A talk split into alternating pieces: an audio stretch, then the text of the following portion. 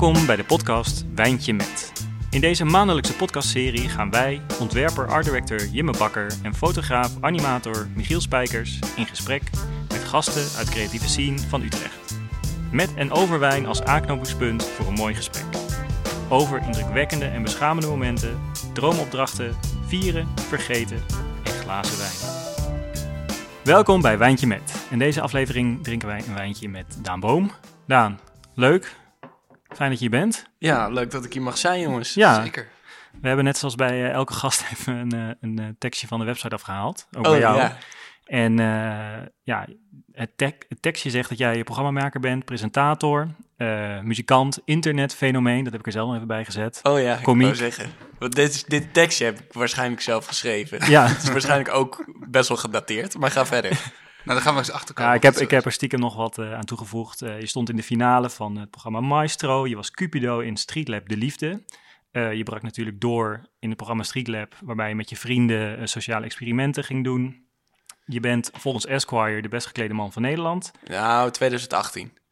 Ik, ik kan, Maar- die, die titel kan je niet prolongeren, dus je, ben, je wordt dat één jaar en dan is het daarna ook klaar. En moet je hem dan ook overgeven aan de Nee, volgende? nee, nee. Wie, wie is het na jou geworden? Eh, Splinter Chabot. Ah, Snap ik wel. nou, Ja. Ja. En eh, een waardige tegenstander om van te verliezen, toch? ja, Nou, maar je verliest dus niet. Nee, oké. Dus je bent het eh, Dat is in, waar. in, in het jaar het dat ik het werd, dan heb je dus inderdaad mede-genomineerden. Dus Jesse en Jesse Klaver en eh, nog een aantal. ja, En het jaar daarna worden weer nieuwe mensen genomineerd en daar zit je dan gewoon niet meer bij. ja. Maar die, die lijsten zijn altijd best wel origineel, vind ik. Ja, Het, zijn niet, het zijn niet de meest, laat zeggen, de meest toegankelijke mediapersoonlijkheden die er altijd in staan. Ik nog dat ze- Ronnie Flex erbij zat een keer. Ja, die heeft gewonnen. Ja, die, had die- toen, die die, heeft met badslippers en zo en witte sokken. En Ja. was toen, een- Gordon viel daarover of zo, weet ik nog. nou, Half volgens mij, Nederlands, weet je. de Esquire zelf dacht ook wel van, oh, hij heeft dus gewonnen. Volgens mij kwam dat ook door de stemmen toen of zo, dus je kan oproepen om te stemmen. Ja, Ja. En daarna hebben ze dat systeem ook wel veranderd, dat er een jury bij zit, zodat ze nog wel een beetje controle hebben over dat er daadwerkelijk een goed gekleed iemand niet iemand in korte broek met Ja. badslippers. Ja. En, en heb je dan ook eh, rechten en plichten dat jaar? Moet je lintjes doorknippen, eh, snabbels? Nee, eh, nee. nee? Nee, dat had wel meer gemogen. Dat was niks. Ik, ik dacht ook wel van nu, nu ben ik best geklede man geworden. Ja. Laat, die sponsor, eh, de- Ja. laat die sponsors maar komen. Maar er kwam echt helemaal niks.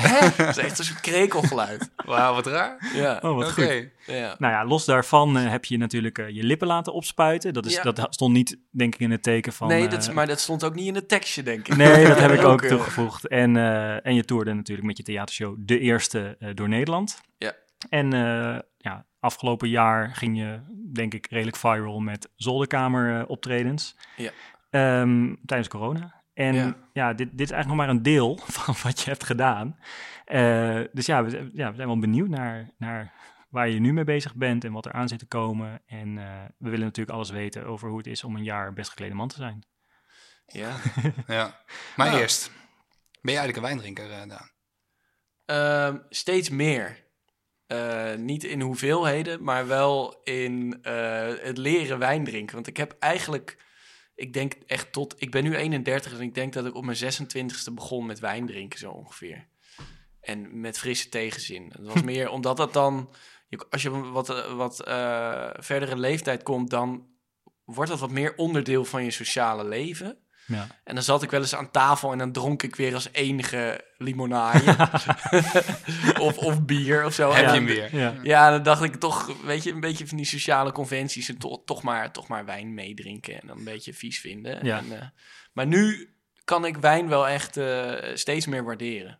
Ik ben zelfs op wijnvakantie geweest. Wijnvakantie. Ja. Doe Wat, dit even tussendoor. Vertel even wat dat inhoudt. Nou, wat hield jouw wijnvakantie? Nee, ik heb een, eh een vriend van mij, eh, eh, Tobias. Dat is een soort bejaarde gevangen in het lichaam van een jongeman. eh, bekend van jouw Instagram ook, ja, zag ik. ik heb ja. hem getorpedeerd tot influencer ooit. Ja, En eh, ja, hij is een enorme estate en eh, alles moet mooi zijn, alles moet hygiënisch zijn. En het is gewoon eigenlijk een bejaarde vent. Mm. Eh, en hij gaat dus ook op wijntripjes naar de Elzas. Oh ja. Wat gewoon echt een bejaardentrip is. Hm. Eh, en toen dachten wij van, nou, ik, wij, wilden een weekend weg. En toen zei hij van, laat, laat mij jullie dan meenemen naar de Elzas. Ik ging met Jasper, ook van Streetlab, en met Tobias. En toen zijn we naar de Elzas gegaan. En daar hebben we een wijnproeverij gedaan. Waar we ons heel netjes voor aan moesten kleden volgens Tobias. Nou, vervolgens kwamen we op een of andere boerderij... waar die boer zelf in een soort gescheurde trui rondliep. Dus wij een driedelig pak daar naartoe. Acht- 38 graden ook. Ehm, en en daar, eh, ja, daar, daar hebben we dus, dus wijn eh, geproefd. En ik heb in coronatijd... eh, dit wordt wel een heel lang zijspoor... maar ik heb in coronatijd... heb ik samen met Tobias een wijnleverancier geholpen. Ehm, er was een eh, man, John... die levert wijnen aan sterrenrestaurants. Nou, dat ligt helemaal op zijn gat nu Ja. natuurlijk. En ehm, wij hebben een pakket samen laten stellen door hem... wat wij dus aan de volgers dan hebben aangeboden. Waardoor hij weer eh, geheel altruïstisch, waardoor hij dus weer eh, een beetje geld kon verdienen. En van hem hebben we toen in ruil daarvoor een gratis, hij is een van de beste finologen van Nederland, eh, gratis een wijncursus gekregen. Oh. Dus ik, ik weet, ik begin steeds meer eh, kennis te, te krijgen van wijn. Nou, waarschijnlijk praat je ons straks helemaal onder de tafel. Want dit, dit klinkt al als meer, meer basis dan wij in zes podcasten hebben eh, gepretendeerd. Nee, toch denk ik het niet hoor. Nou, Oké. ik wou zeggen bijna, wil je de fles anders introduceren? Nee, Dan nee, ben je nee, niet bekend absoluut mee. niet. Nee? Oké, dan gaan we dat doen. Oké, even kijken hoor, want eh, ja, elke aflevering natuurlijk drinken we eh, met wijntje met een bijzondere wijn. En eh, deze keer is de wijn aangeboden door Margaret Wines. Mooie knusse zaak in de chique Utrechtse winkelstraat Oud-Kerkhof. Ze bieden een uitgebreide selectie kwaliteitswijnen uit Italië, Frankrijk en andere wijnlanden. Al deze wijnen kopen ze direct in bij de wijnboer. En ze kiezen hoofdzakelijk voor kleine biologische werkende producenten. maar vandaag drinken we eh, de Barbera de Asti de Barbatella. Een hele mond vol. Ja. Waarschijnlijk je had al geraden, Italië. Eh, een elegante rode wijn uit de Piemonte. eh, gemaakt van Barbera-druiven die met de hand zijn geoogst op een kleine oude wijngaard. De rijde, rijpe druiven worden na korte inweking op lage temperatuur vergist. Hierna volgt een rijping van ongeveer 12 maanden in stalen tanks. En daardoor krijgt deze wijn zijn fruitige, frisse karakter dat we kennen van deze druif. dit, dit, is, eh, dit hebben we nog niet ervaren. Hè? Dit gaan we nu ervaren. Ja, oké. Dus we Ja. gaan nu die fles openmaken en dan gaan we met Ja. jou even kijken, Daan, wat je ervan Wat ik vindt. ervan Ja, vind. ja. Ja. spannend. Maar ga, ga jij dan ook naar wijnzaakjes toe om dingen te kopen of Nee. je te laten informeren? Of- Nee, want ik, heb, ik, ik drink, ben dus eigenlijk ook niet echt een, een eh, wijndrinker dat ik voor mezelf een wijntje inschenk Ja, s'avonds. nee. Ik doe het eigenlijk altijd alleen maar om eh, echt een avond te gaan drinken met vrienden. Ja, En dan is het meestal toch ook bier. ja Gewoon. uiteindelijk. Ja, Ja. ja. Ja, want op een gegeven moment proef je niet meer echt of het goede wijn is of niet. Maar, maar de lifestyle, dus wat je net omschrijft, zo'n wijnvakantie of, of Ja, een beetje moeilijk doen met een En- glas. En, en, en ik vind het dan ook leuk om, om je zo belachelijk aan te kleden. Ja. En eh, weet je, daar heb ik ook lol in. Ja. Dus nee, ik vind de, de, eh, gewoon zo'n bejaarde wijntrip, dat vind ik wel lekker. Ja, ja. En, per jaar. en ben je daarna ook eh, interessant gaan doen over, over, Over dat? de wijn? Ja? Nee, dat durf, dat durf ik nog. Oké, Daarvoor heb ik nog niet genoeg eh bluff. maar je kan nu een poging doen, want wij, Ja. wij eh, weten ook niks. Ja. Ja, oké. proost, jongens. Ja, proost. Proost. Proost. Nou gaat hij. Oké, ik steek eerst even mijn neus Er gaat hier een Ja. neus in de wijn. Vertel ons. Nou, daar komen al wel... We gaan hier. Hij is ook echt net uit de fles, dus... eh, Ja, hij is wel net uit de fles, dus dan is het wel extra moeilijk om, om te ruiken wat er, wat er zit. Mensen zien niet dat ik nu sarcastisch ben, hè? Dat, dat, dat, hoor, dat hoor je niet. Nee, maar ik vind het sowieso heel leuk dat, dat iedereen hier gewoon lekker in meegaat. Ik ben nu aan het walsen. Daan is aan het walsen. Daan steekt zijn neus erin. komen er meer aroma's Ja, eh, ja, ja. naar boven. Aardse tinten. Oeh, ja. Heel veel rood fruit. Rood fruit, kers. Kers. En dan ga ik. Er wordt nu een slok genomen. Wordt even goed geslurpt. Zo. Ja, best lekker. Ja, ja, ja. Het is oké. Ja, prima. Wijn, wijn. Ja, Wijn, wijn, Ja. Mooi wijn. Nee, Ja, ja, ik vind nee, de afdronk best eh, pittig. Hij is eh, vol, hè? Ja. Ja, en spicy. En, eh, ja. Ik zou dit toch wel eh, adviseren bij een eh, goede steak. Kijk, ja, toch? Ja. Ja. een stukje vlees. Nou. Volgens Ja. mij ook wel. dan gaan we daar, eh, dan starten Soepel we daar. rond. ja, Ja. Nou, laat het smaken, ja. Daan. Het is Ja. misschien een beetje een stomme vraag, maar je doet zoveel. Wat, wat wilde jij later worden toen je klein was? Ehm, Ja, verschillende dingen. Profvoetballer. Ik weet, eh, ze- hebben jullie dat ook gehad? Dat je- Nee. geen profvoetballerperiode? Nee, ik kan geen pootvoetballen, man. Maar, ik ehm, ook niet. ik, ik wil, ik wil de, oh, maar je gewoon doortastend. Nee, ik wil de piloot worden. Oké. Ook lekker cliché. Ja. Ja. En dolfijnentrainer wilde ik ook worden. Oh, dat ja. is wel heel gaaf. Ja. En ik heb een keer, maar toen was ik echt heel jong, heb ik, de, heb ik Bill Clinton, bij de inauguratie van Bill Clinton, heb ik hem op een gong zien slaan of zo. Toen wilde ik dat ook. Oh ja, ja. Bij de beurs zo elke ochtend. Zo. eh, nou, ik weet niet waar, maar ik wilde gewoon een, gong gong slaan. In een pak, denk ik. Ja. Heb jij uiteindelijk een keer op een grond geslagen? Ik heb wel een keer op een gong geslagen, ja, maar niet echt bij zo'n officiële Nee, eh, aangelegenheid. Nee. officiële gong. Ja, Ja. nee. Ehm, en eh, later wilde ik... eh, nou ja, het is nooit echt heel duidelijk geweest wat ik wilde. Ik had meer richtingen. Ja. Dus op een gegeven moment kwam ik er wel achter dat ik het... Ik was op de basisschool bijna alleen maar bezig met mensen aan het lachen maken in de Ja. klas. En, en vervelend zijn. Ehm, en ehm, toen, dat vond ik, dat, daar, daar was ik meer mee bezig dan met mijn schoolwerk. En daar maakte ik ook meer een missie van dan mijn schoolwerk. Hm. Dus eh, daardoor kwam ik er wel achter dat ik het niet vervelend vond om, in, in de, eh, om aandacht te krijgen. Ehm, en toen ik op de basisschool meedeed aan de, de, de eindmusical... Toen kreeg ik onverwachts ineens de hoofdrol toegewezen. Maar het was niet al bekend dat jij de superster van de Nee. klas was? Oké. Nee, nee. Meer wel gewoon, er stond stevast in mijn rapport van minder de clown uithangen. Ja, maar er stond niet... Mensen hadden niet zoiets van, oh, dit wordt echt eh, een, een, eh, Ja. een groot acteur of Ja, zo. ja. En toen, eh, toen ik die rol kreeg en toen ik dat deed, dat vond ik zo leuk dat ik wel dacht van, oh ja, toen voelde ik wel een beetje dat ik, dat ik daar... Ik weet niet, je hebt op een gegeven moment denk ik wel, ik weet niet of jullie dat ook hebben gehad, dat je voelt van, oh ja, dit, hier ben ik wel goed in. Ja. Ja, maar het is altijd als je jong bent lastig in te schatten, omdat je omringd wordt door mensen die al heel snel al heel trots op je zijn, als het goed is. Dus dan is het altijd lastig om dan te bepalen of dat wat je goed kan ook werkt in de grote mensenwereld. Ja, zeker. Omdat je moeder zei van... Ja, eh, ja, nee, dat is ja die zeggen waarschijnlijk hartstikke goed, Ja. knap gedaan. Daar is trouwens ook een hele goede podcast over, van This American Life, over een gast die vroeger goochelaar was, Ja, op zijn twaalfde. mhm.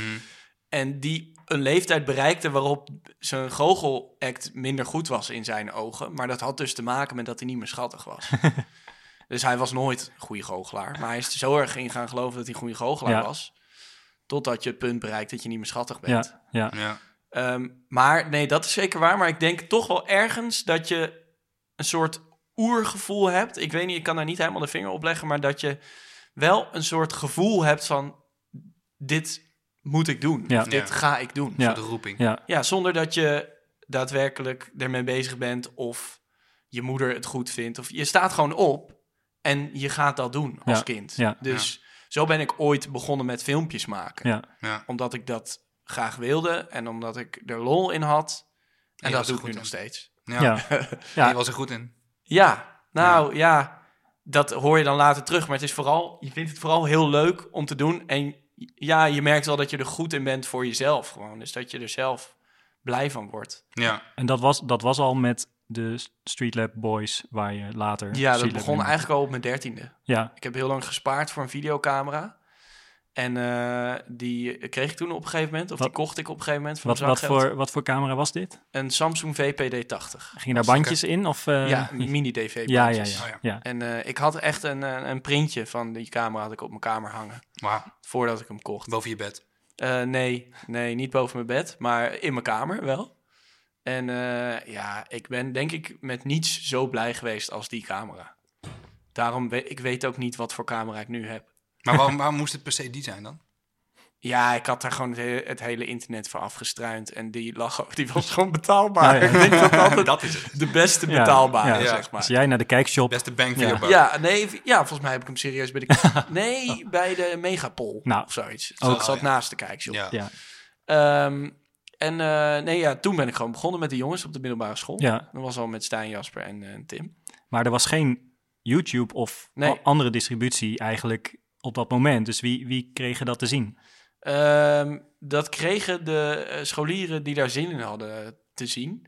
En dat deden we als volgt. We, we gingen dat dus maken. Dus we gingen filmpjes maken als spijbelen met bruggers of eten in de les, dat soort dingen. De rattenverzorgers interviewen, we hadden ratten op school. En eh, daar maakte ik dan een trailer van met veel muziek. En die brandde ik dan op DVD. En die, dan pakte ik een tv van de school waar een dvd-speler op zat. En die zette ik dan midden in de hal. Wauw. En dan het volume op zijn allerhardst. En die trailer liet ik de hele pauze lang liet ik die spelen. Dit, is Dus gewe- dat- dit is echt geweldig. dit. Die DVD had ik zo gebrand dat het in een loopje afspeelde. Waardoor mensen dus wisten van... eh, het heette Walpa, de school-tv. Dat was in tegelijkertijd met dat Talpa kwam. Ja. En het stond dan voor... Die school heette de werkplaats. Werkplaats actueel, ludiek, progressief, assertief. ik had toen geen idee wat het betekende, maar het klonk wel vet. Ehm, en ehm, ja, weet ik veel. Woensdag 12 januari eh, in, de, in de grote pauze in de theaterzaal. En dan mochten we dat uitzenden op het grote doek. Vet. En die, die zaal zat echt rammetje vol. Ja, maar dan is dit eigenlijk op dat moment het hoogst haalbare. Dat, dat, Ja. dat je vrienden, je klasgenoten, misschien docenten keken naar wat jullie hebben gemaakt. Ja. Het, het lijkt me best wel vet om dat mee te maken. Ja, dat was fantastisch. Ja. ja. En, en had je toen al het idee van, dit moet groter, dit moeten meer mensen zien? Nee. Nee. Nee, dat niet. Eh, ook omdat het in die tijd niet werkte. Nu word je inderdaad al, wil je gauw denk ik YouTuber worden Ja. of zo, weet Ja. je wel? Ik Ja, denk dat- dat er nu inderdaad gewoon kinderen zijn die dat dan willen... in plaats van dat je het op school laat Ja. zien. Ja, want eigenlijk dingen die je nu, nu noemt, eh, mensen inderdaad eh grap uithalen, eten in de les en zo. Dat zijn dingen die ook nu, waar heel YouTube vol mee staat eigenlijk. Ja. Denk je dat als, als in die tijd YouTube er wel was, waren jullie daar vol voor gegaan? Eh, ik denk het wel. Want dat, de, ja, zo werkt dat nu Ja. gewoon. Ja. Ja, Maar ik ben ook blij dat het niet zo heeft ja, gewerkt. ja. Nou, ik ben altijd heel blij dat, ik maak vroeger ook wel eens grappige filmpjes. En dan zeg ik altijd tegen een vriend waarmee ik altijd die filmpjes maak, van ik ben zo blij dat dat dus niet Ja, online is komen te staan. ja. Omdat, ja, dan had ik nu geen werk. Op zijn minst. Ja, ik vind dat ook wel, wel, iets, eh, wel, wel iets moeilijks. Dat je, ik weet, ja, wat moet je kinderen daarin adviseren, weet je wel? Want Ja. je wil natuurlijk ook dat ze gewoon kunnen doen waar, waar ze zin in hebben. Ja, misschien om het in ieder geval in eigen beheer te houden. Dus dat je, dat je het op je eigen YouTube-kanaal zet en niet. Ja. op iemand anders kanaal laat posten of zo. Ja, Ja, want ik weet, ik, ik, ik heb die, die video's overigens allemaal nog steeds. Hoor. ja, En het zou niet erg zijn als het online zou staan, maar ik vind het ook wel fijn dat mensen dat niet eh, kunnen opzoeken. Hmm. Ehm, dus ja. ehm, maar het was wat, wat, wat ook meer het ding was, was dat ik niet zozeer bezig was met zoveel mogelijk mensen moeten het zien. Want ik had heel veel plezier in het maken zelf. En het uitzenden was wel de, de kers op de taart. Maar wat ik daar extra leuk aan vond, was dat het live reactie. Dus ik ging in die zaal zitten waar het werd uitgezonden. Hmm. En toen hoorde ik pas wat het deed. Ja. Want je zit dat zelf te monteren. Ja. En dan denk je, oh, dit is wel grappig. Maar je hoort de lach nog niet. Ja. Eh, maar toen ik in die zaal zat, ja, dat vind ik denk ik wel het hoogst haalbare. Is een, een, eh, iets live maken Ja. en iets live uitzenden. En is dat ook de reden dat jij nu... Ik weet niet of je, of je eigenlijk nu in het... thea- Niet nu vanavond, maar rond deze periode in het theater zou staan. Maar je hebt een theatershow. Ja. Eh, is dat een reden waarom je eigenlijk liever... Of liever, dat ook interessant vindt dan alleen tv dat is maken? zeker een reden. Dat het gewoon in het hier en het nu gebeurt. En dat het ook Mhm. daarna weg is. Ja. En dat het op die avond, op dat moment iets magisch is. Ehm, waar, waar je, ja, er bestaat dan niets anders dan wat jij op het, of wat diegene op het podium staat te doen. En dat vind ik heel mooi. En dat mis ik af en toe wel een beetje aan tv maken. Ik vind de combinatie heel fijn hoor. Dus het is niet zo dat ik het ene leuker vind dan het andere. Eh, maar dat mis ik wel eens aan. Kijk, het- je moet, als je tv wil maken, dan moet je het, het maakproces eigenlijk het allerleukst vinden. Want Hm. het uitzenden is meer, ja, gewoon een logisch gevolg van iets maken. Maar ja, als je, als je zeg maar te veel afhankelijk bent van, van likes of van reacties, dan is het echt gevaarlijk. Tenminste, dan, dan, dan weet ik niet of je het gaat volhouden. Want dan ben je alsmaar op zoek naar meer of naar Ja. het is niet zo dat ik daar niet mee bezig ben. Ik kijk ook wel of iets loopt of niet. Maar ik probeer wel altijd zoveel mogelijk plezier te halen uit het maken van iets. Ja. Dat doe je door te maken wat je zelf het leukste vindt. Ja. Ja. Ja. Want ik kan me voorstellen dat als je je te veel laat beïnvloeden, dan ga je voor een soort gulden middenweg. Ja. Van wat je verwacht wordt van je. ja. En dat Jezelf moet ook wel je- eens. Jawel, ik kan me voorstellen, maar dan ga je ook je identiteit verliezen, toch? Ja. Ja, Terwijl dat hetgeen is waar je om geroemd wordt. Is dat dan Ja. hetgene wat dan... Nou ja. Ja precies. Maar hoe, doen, hoe, eh, eh, hoe doen jullie dat? Zijn jullie veel bezig met hoe iets uiteindelijk wordt ontvangen? Of... Nou, ik, ik, ik denk dat ik wel geleerd heb om, om voor een heel groot deel dat, eh, dat uit te schakelen. Want het heeft uiteindelijk niet zoveel zin om alleen maar met anderen bezig te zijn. Maar ik kan me voorstellen dat als je iets doet wat echt op een podium plaatsvindt of op televisie, dat het doel is dat andere mensen daar naar kijken. En Ja. een subdoel is dat mensen daar een mening of een reactie op geven. Ehm, dus ja, ik, ben, ik probeer daar niet heel veel aandacht aan te besteden. Maar dat verschilt wel een beetje. Ja, precies. Ja, eh, maar het, het, het is natuurlijk zo eh, dat je... Je wil natuurlijk eigenlijk helemaal eh, met het maakproces bezig zijn en maken wat je zelf wilt. Maar je hebt natuurlijk ook wel eens te maken met commerciële partijen of met...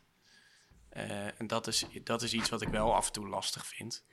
Is dat... eh Er wordt hier bijna Dan verkeerd, dan gewisseld. er werd hier bijna live een coronabesmetting. eh. Had je het alweer. Nee, maar ook even voor de luisteraars. Er Ja. zijn hier best wel veel fruitvliegjes. Ja, Ja, en de grap was inderdaad. dus, ze waren er nog niet voordat Nee. wij begonnen. Dus ik heb nu even een glaasje wijn in de hoek gezet. De hoop dat ze daar naartoe Oh, oké, trekken. oké. Dat is Ja. een goede oplossing. Maar eh, volgende keer zetten we de fruitvliegjes gewoon op de aftiteling. eh, want, Met dank aan. met dank aan de fruitvliegjes. Oh, Met dank aan de fruitvliegjes. Ja. Ja. Ehm, Nou, goed. maar wat ik nog wou zeggen, dat ehm, met Streetlab doen jullie volgens mij ook, of deden, doen jullie heel veel zelf. Volgens Ja. mij dus monteren Ja. en eh concepten. Nou, helemaal aan het begin wel. Dus aan het begin monteerden, eh, monteerden we nog zelf. Hm.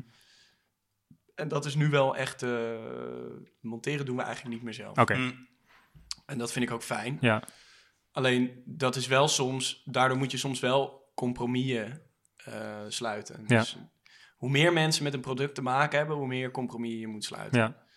En dat is wel iets eh, waardoor ik het een tijdje, op een gegeven moment toen Streetlab zeg maar een beetje werd opgepikt en, en wat groter werd, kregen, kwamen er ook steeds meer mensen die er wat over gingen zeggen en Hmm. wat mee te maken hadden. En we kregen op een gegeven moment een grotere studioshow. Nou, Ja. er zijn helemaal veel mensen die Ja. er wat, wat over te zeggen hebben. Mhm. Waardoor je ook minder eh, een eigen product aflevert. Ja. We waren nog steeds echt het hoofdonderwerp en we deden nog steeds bijna alles. Maar ja, je hebt toch minder te zeggen dan dat je daarvoor had. Ervaarde je dat op dat moment dat je daar in die studio stond? Of was dat iets wat misschien pas later op zijn plek viel? Ja, ik had wel. Als ik dan de studio binnenkwam, dat ik dacht, jezus, wat veel mensen. En waarom ken ik niet iedereen? Ja, en, ja.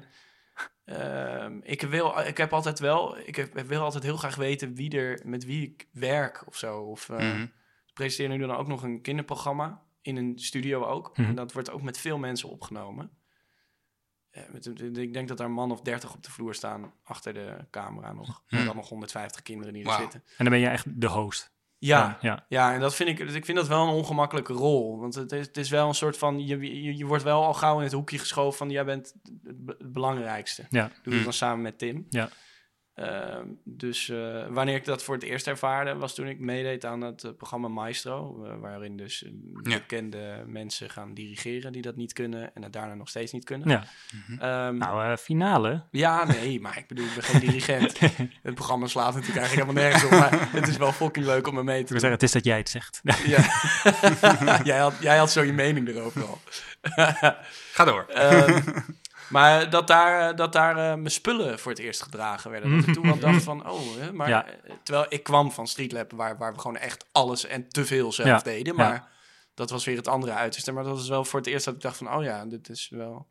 Ja, maar het, was, dit is wel ik kan toch wel mijn eigen spullen Ja. dragen. maar het heeft ook wel met authenticiteit te maken. Want wat ik leuk aan Streetlab vind, is dat het, dat het echt voelt. Dat jullie het echt leuk hebben en dat jullie dit echt net bedacht hebben. En waarschijnlijk zit er nog een soort van televisielaag omheen.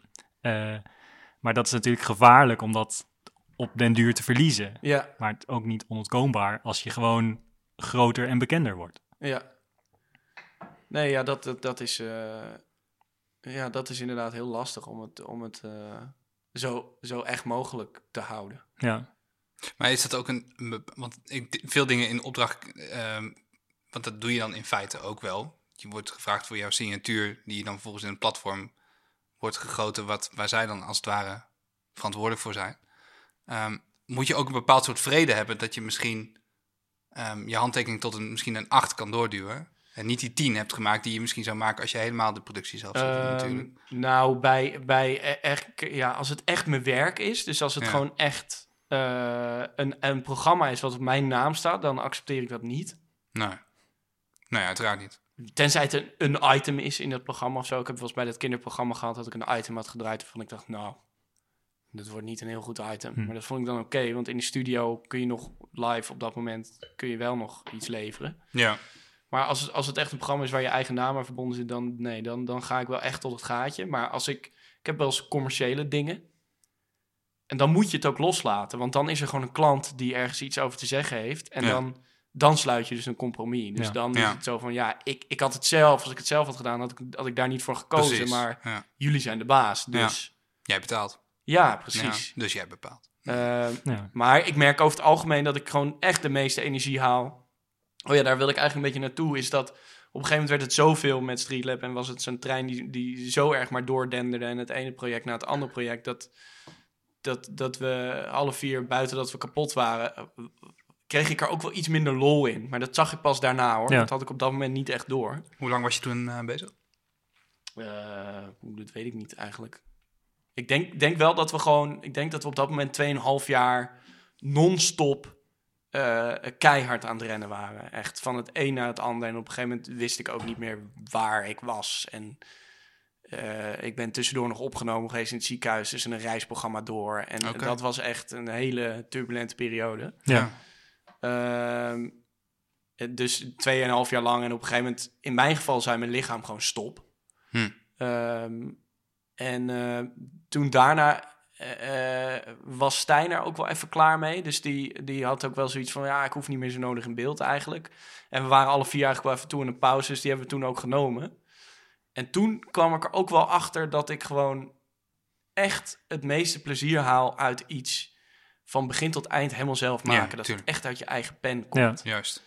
Eh, dus toen ben ik, eh, een tijdje daarna ben ik een serie over mijn voetbalteam gaan maken, waar ik al eh, meer dan tien jaar in speel. Ja. Kelderklasse. Ja, Ja. een heel slecht voetbalteam. Ja, Eh, maar leuke serie.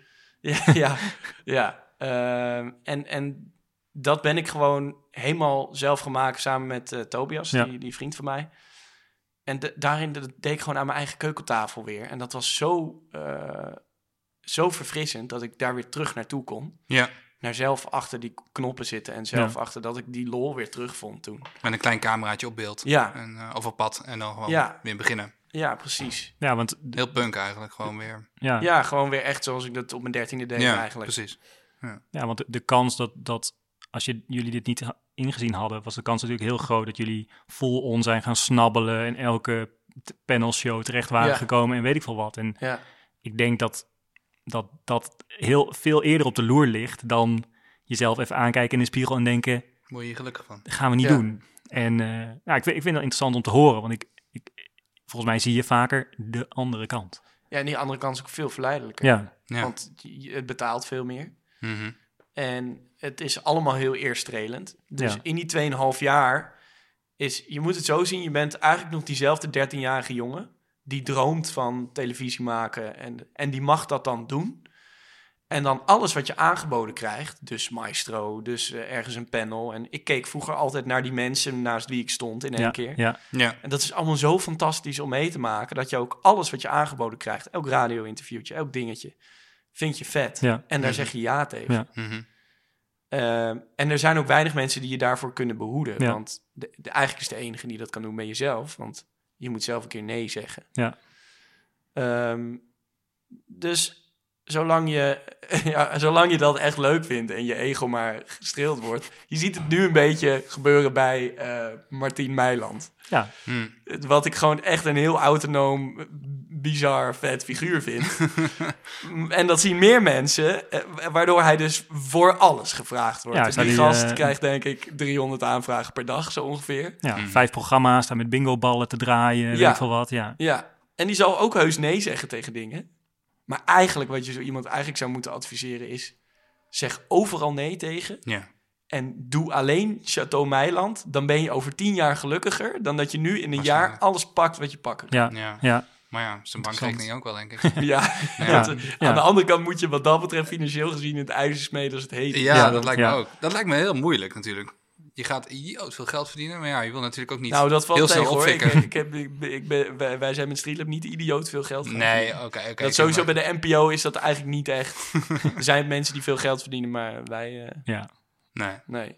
Ja, maar met Team Meiland was SBS 6, toch? Ja, dus dus die, was- die, die zal wel iets meer, eh, eh, Zeker krijgen. met die bingo, eh, weet ik veel wat hij doet. Ja, Dat, dat zal best Ja, wat dat zal lekkere snappels zijn. Ja. Ja, Ja, dat zal niet mis ja. zijn. Nee, maar goed, maar ik denk dat hij ook wel weet dat hij, dat hij dit gewoon toch een paar jaar moet doen. En dan stopt hij toch gewoon.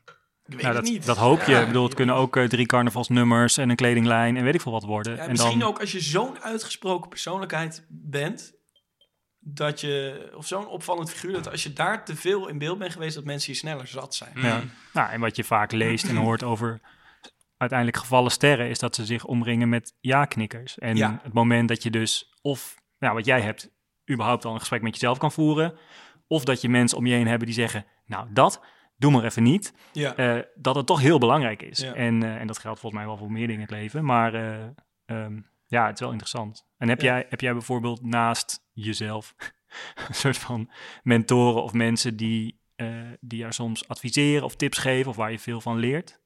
Ehm, nou, wat voor ons wel heel fijn is geweest, is dat we met z'n vieren waren in de tijd dat het allemaal zo snel ging. Ja.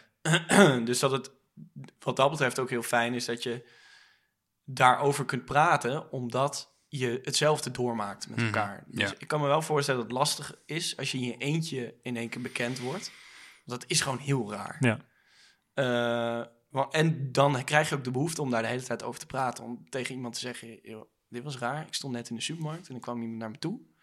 En die begon tegen me te praten. Ik ken, die hele, ik ken, ik ken dat hele persoon niet. En je, je, je maakt constant, je maakt zoveel, je gaat steeds vaker dat soort rare dingen meemaken. Ja. En dat wil je heel graag delen met mensen. Maar op een gegeven moment, de mensen die dat niet meemaken, die denken, god, dan gaat hij weer Heb klagen weer. over Ja. dat hij wordt herkend. Of gaat hij weer vertellen dat hij, eh, weet ik veel, ego-strelende dingetjes heeft meegemaakt. Mensen eh, die dat niet weten hoe dat is, die, ja, daarmee, die raken daar op een gegeven moment zat. Ja. Hm. En dat was heel fijn dat we dat met, met z'n vieren wel konden bespreken. Maar daarnaast heb ik ook wel bij een coach eh, gelopen. Ja.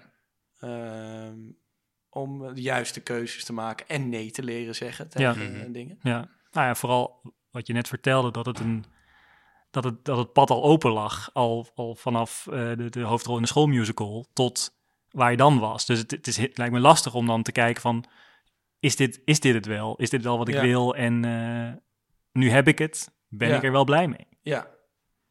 ja, maar toch denk ik dat dat nooit helemaal stopt. Want nu is het zo dat ik er wel achter ben dat ik daar het meest gelukkig van word. Van echt iets maken wat uit je eigen pen komt.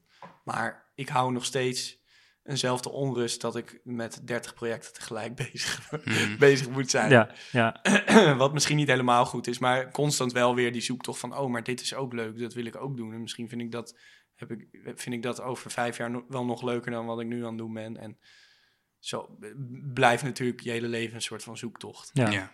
En, en waar toets je die, die ideeën? Of, of waar pitch je die bijvoorbeeld? Ehm, bij, eh, bij vrienden, maar ook heel vaak op mijn Instagram. Dus, maar dat zijn meer eh, programma-dingetjes. Mhm. Dus eh, om een voorbeeld te geven, de, de serie over mijn voetbalteam, dat begon eigenlijk, ik had dat idee al wel heel lang. Dat begon in 2015, toen ben ik ook al begonnen met filmen. Maar op een gegeven moment ging ik dat op mijn Instagram doen. Ging ik dat op mijn Instagram stories doen. Ja. Ging ik gewoon die zondagen vastleggen. Dat we ergens weer met 10-0 eraf gingen. Mhm. en dan mijn coach filmen en wat hij er allemaal te- over te zeggen had. En ehm, daar kreeg ik zoveel reacties op. De, dat dat voor mij toch wel een soort van toetsing was van... oh ja, dit, dit kan wel eens, eh, dit kan wel eens eh, gaan aanslaan. Echt mensen die zeiden van je moet hier een serie over Ja. maken. En ja, dan is het weer wel heel handig om, om, naar je, om een soort klankbord te hebben... Ja. om reacties te krijgen. Want je hebt dan uiteindelijk dat... Je hebt, je hebt materiaal en dan ga je naar de KRO? Of hoe... hoe kun je iets Eh, uitleggen hoe dat, hoe dat in zijn gang gaat? Ja, dus wat ik eh, toen heb gedaan is dat ik, eh, ik heb, ik, omdat ik in 2015 al was begonnen met filmen, had ik al best wel wat liggen. Daar heb ik een trailer van gemonteerd. Ja. En toen ben ik binnen de KRO, waar ik de routes al wel een beetje kende, eh, ben ik gaan vragen wie ik daarvoor moest hebben om een programma te pitchen. En zo ben ik eh, uiteindelijk aan tafel gekomen daar. En dat was heel fijn dat ik gewoon het kon laten zien. Ja. Dit is mijn voetbalteam. Ik zit hier al vijf jaar in. En eh, dit wil ik maken. En dan gewoon Ja. op spatie drukken. En dan spreken de beelden eigenlijk wel Voor zichzelf. voor zich. Ja, dat was heel fijn. Ja, en je had het bewijs dat andere mensen dus ook leuk vinden. Dat scheelt denk ik wel. Ja, Als je ja zo'n- nee, ik had inderdaad wel gewoon eh, screenshots meegenomen Ja. van, van al die reacties. Van duimpjes En, eh, en, ja, eh, van duimpjes, van likes. Ja. Dit moet je doen. ja. ja. En dan, en dan eh, groeten, Daan, we nemen het mee, je hoort van ons. Ehm, nou, nee, ik kreeg wel wat meer enthousiasme gelijk. Kijk, normaal gesproken werkt het ook niet zo. Normaal gesproken eh, ga je niet een programma maken voordat je het eh, gepitcht hebt. ja. Dus normaal gesproken werk je met slides en dan kan je alsnog wel voorbeelden, filmpjes of, eh, van het internet halen. Maar Ja. dit, dit was natuurlijk gewoon al, al gaande. Een soort van, ja, alleen Ja. maar instappen en, eh, Ja. en gaan. Ja. Is dat je voordeel geweest? Ehm, denk het wel. Ik denk wel dat, dat die beelden eh, dusdanig puur waren dat, dat die mensen ook wel dachten van, oh ja, dit is wel iets, dit, dit gaat wel werken. Ja. Ehm, ja, dat is ook wel, wel een aanrader. Ik weet niet hoe, hoe jullie dat doen. Mo- moeten jullie wel eens dingen pitchen? Ja. Mm, ja, zeker. Maar ik probeer dan altijd wel van tevoren altijd een beetje te weten wat er eventueel gezegd kan worden. En dan Ja. zet je daar wel wat voor klaar. Oh ja. Ehm, Hoe Maar- doe je dat dan? Speel je dan scènes af in je hoofd? Van, oh, en dan gaan ze misschien ja, dit zeggen. ja, je, Ja. Je, kijkt, je kijkt naar, de, naar je zwakke plekken en daar ga je een oplossing voor Oh ja. bedenken. Ja. En, eh, en als, je dan, als je dat dan wint, dat is eigenlijk het allerleukste. Weet je wel, dat ze het een leuk plan vinden, dat is fijn. Maar als je dan ook nog zorgt dat je precies een oplossing hebt bedacht voor Ja. al die andere dingen, die ze allemaal al een beetje zo bozig al eh, gingen, van tevoren al gingen bedenken. eh, als je daar een oplossing voor kan bieden, is dat heel fijn. Ja, precies dat. Het is dat, dat als klant zijnde komen ze met soort voor jou hele obvious vragen. eh, waarvan je denkt, ja, dat zien we dan wel weer. Ja. Willen ze dat heel vaak van tevoren al afgetikt hebben. Dus dan voelt het soms dat je je creativiteit al heel erg inlevert. Omdat je dan een soort voorstel gaat doen waarvan je denkt van... moeten we nog even gaan zien of dat ook echt zo leuk wordt. Ja. En dan voel je je toch wel weer bezwaard of zo... dat je dat dan ook echt... Althans, dat ervaar ik dan wel eens zo van... dan moeten we dat ook echt wel zo gaan uitvoeren. Ja. En dan kan je niet last minute nog besluiten van... maar wacht eens even, plan B is eigenlijk veel vetter. Terwijl je plan A gepitcht hebt. Ja. En dan loop je dus soms wel eens tegen de lamp. Ja. Maar ja, wij, ja, fotografie noemen we een treatment. Dus dan is het eigenlijk een... Ik werk vaak met reclamebureaus ertussen. Dus dan is er een reclamebureau die heeft dan die klant. En die eh, stelt dan iemand voor. Dat ben ik dan. En dan moet ik dus voor die klant als het ware nog iets gaan schrijven van... Oh, leuk idee. Ehm, ik zou het zo en zo en zo aanpakken. Hele obvious vragen waarvan je denkt... Ja, oké, dat kunnen we toch wel gaan zien binnenkort of zo. Ja. Maar daar zijn er gewoon een paar van die marketinglui die dat gewoon moeten weten, omdat zij ook weer iemand boven zich hebben, waarvan ze dat dan moeten eh, gaan verantwoorden. Zo Ja, van, ja, zij hebben hem gekozen, want hij kan dit en hij doet dit. En dat past volgens mij bij wat we willen doen. En dan krijgt hij, krijgt die marketingmannetje ook weer een go. En dan, Ja, ja, ja. zo gaat het hele rijtje, dat laddertje op en neer. Ja, continu. daar word ik ook wel eens moe van. Ja. Van al die tussenpersonen. En dan duurt het Ja. weken voordat je uiteindelijk een, eh, een, een Ja. klap krijgt op iets van, nou, eh, we gaan. Ja. Soms langer. Ja, want dat lijkt me inderdaad ook met tv-ideeën zo lastig. Dat je juist, het gaat juist om die spark, gelijk, Ja. dit werkt, Mhm. zullen we doen. Maar als daar vervolgens weer honderd mensen naar gaan kijken, Ja. voordat het uiteindelijk een keer een bepaalde kant op gaat, lijkt me ook best wel vermoeiend dan. Ja, dat is heel... eh, gelukkig zit ik niet heel erg aan- in, in, in dat... eh, die ja, wereld. is- nee, niet, ik zit niet heel erg in het, in het pitchen en in het eh, doen. Nee. Dus het Stijn zit er wel meer in. Ja. Mhm.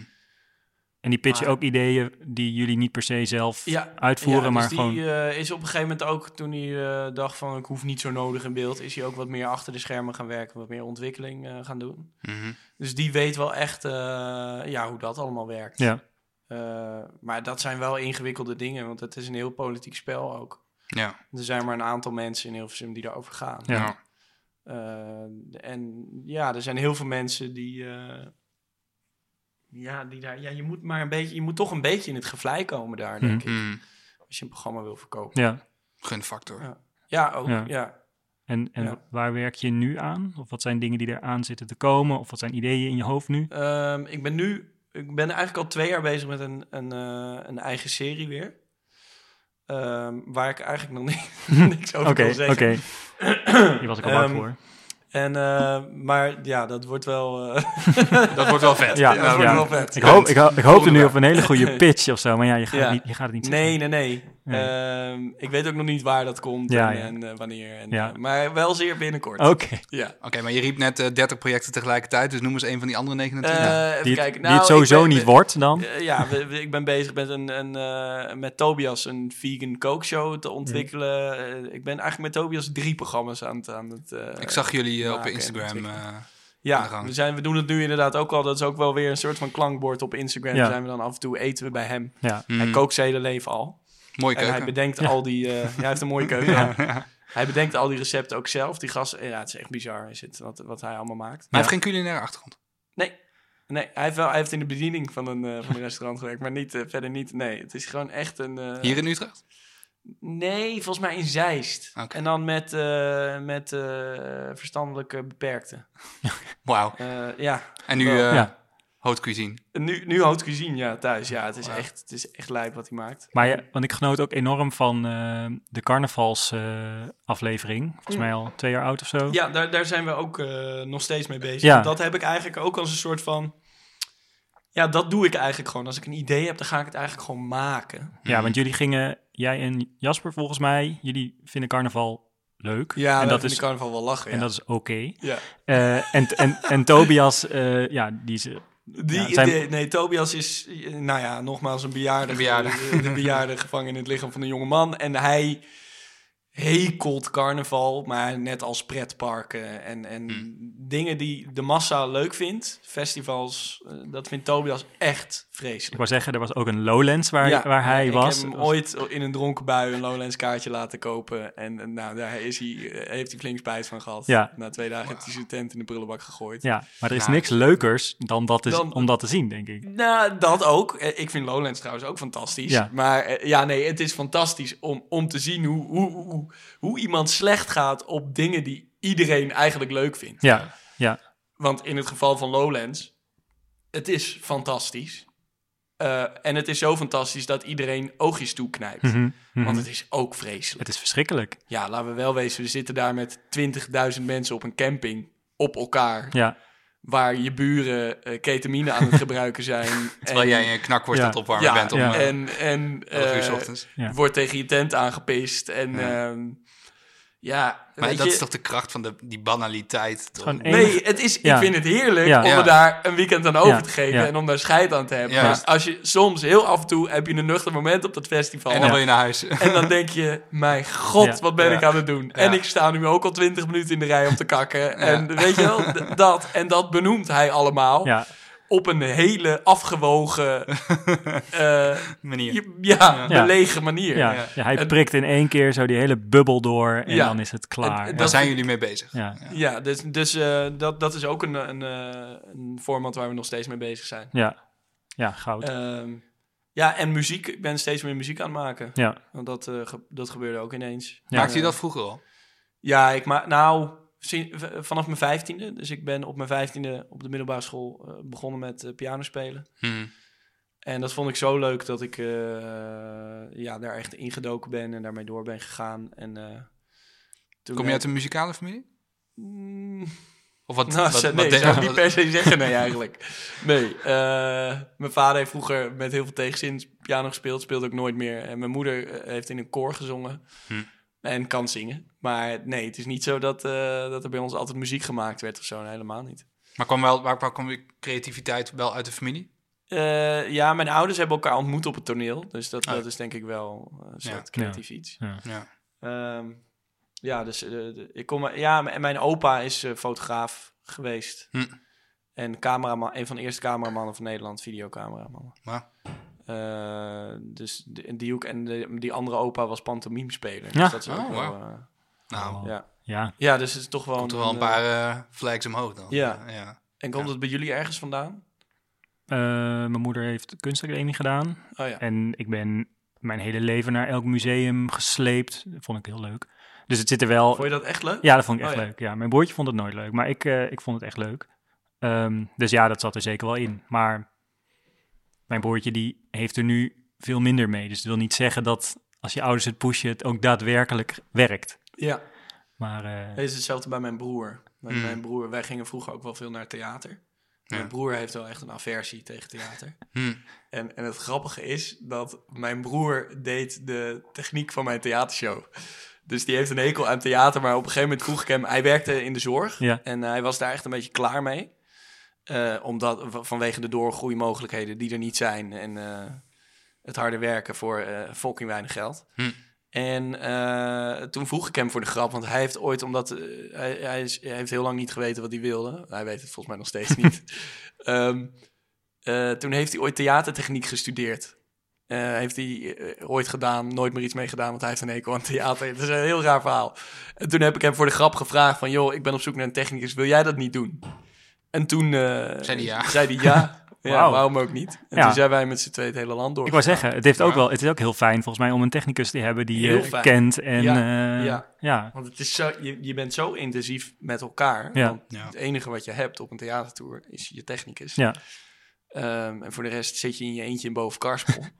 Eh, dus het is heel fijn als je iemand hebt met wie je eh, aan het einde van de avond... Wij reden ook altijd met z'n tweeën. Dus ik reed eh, aan het, eh, zeg maar einde ochtend meestal gingen we daar naartoe al. Dus ik ging met hem mee als hij ging opbouwen. Ja.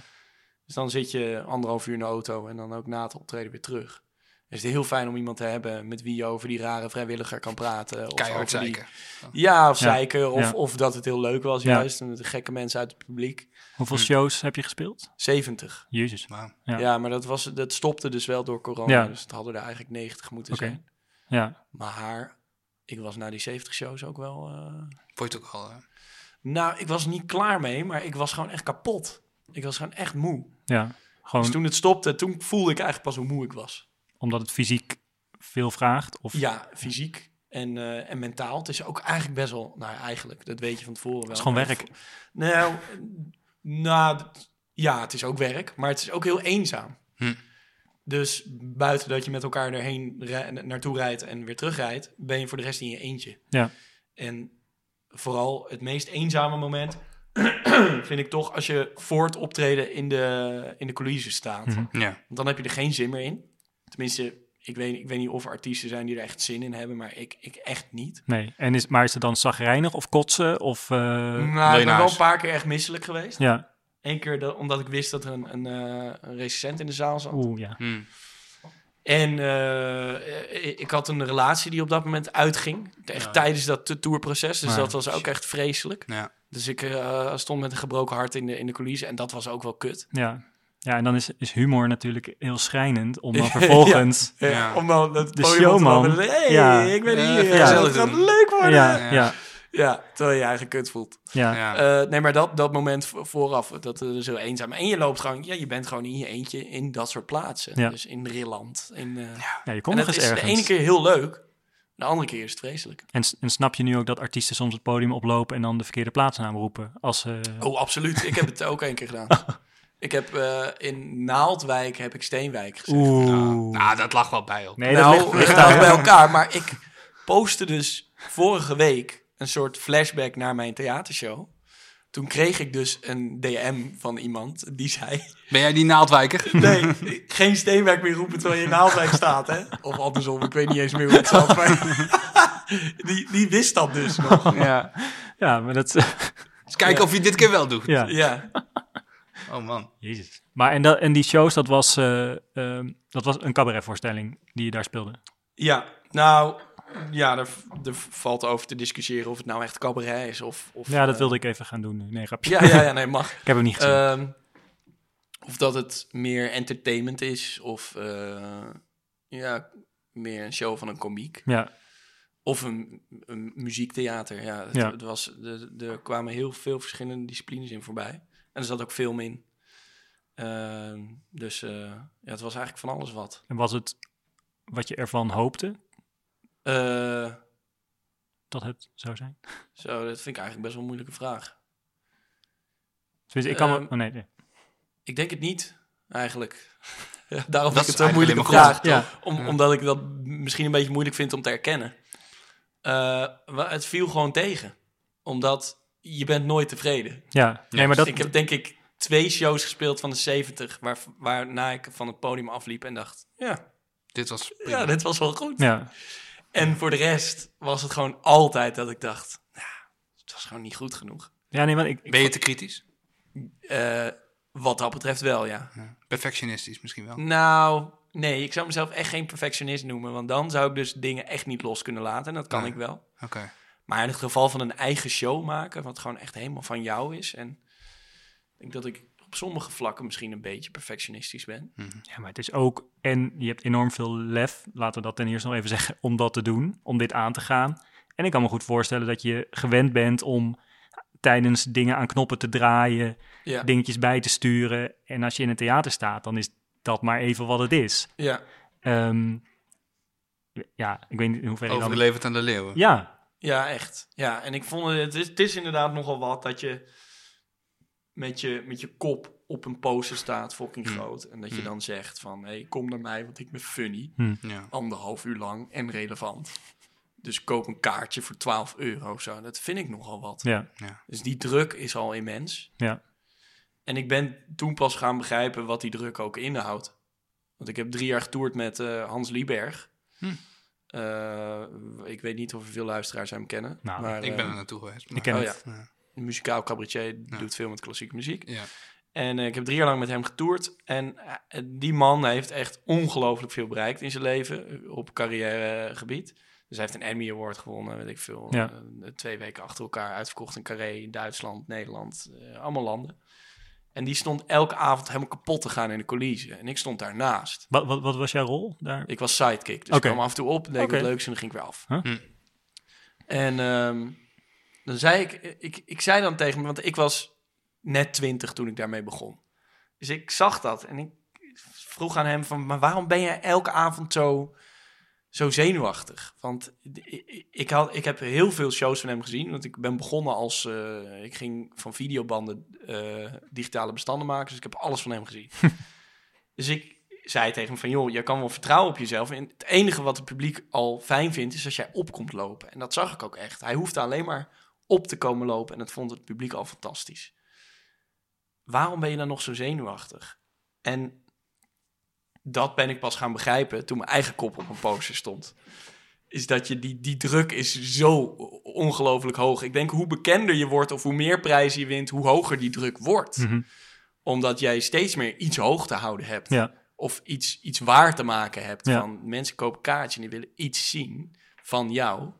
Die willen die prijs winnen in een cabaretier zien. maar wat ik wel grappig vind, is dat je dan wel eh, bij Maestro iets gaat doen wat je nog nooit hebt gedaan. Wat volgens mij een super goed bekeken programma is. Eh, veel kwetsbaarder en dat, dat, dat is misschien makkelijker voor je. Is dat kwetsbaarder? Nee, dat is Oh. helemaal niet kwetsbaar, want het is, nee. het is heerlijk. Want jij bent geen dirigent. Oh, dus je kan... Dus jij wordt gewoon Jimme, jij wordt gewoon gevraagd. Ga jij Ja. maar eens dirigeren. Zeg, ja, maar dat kan ik toch niet. Ja, maar dat is toch lachen? Ja, Oké, prima, ik doe Ja. het wel. Plus je publiek zit, zit voor een scherm.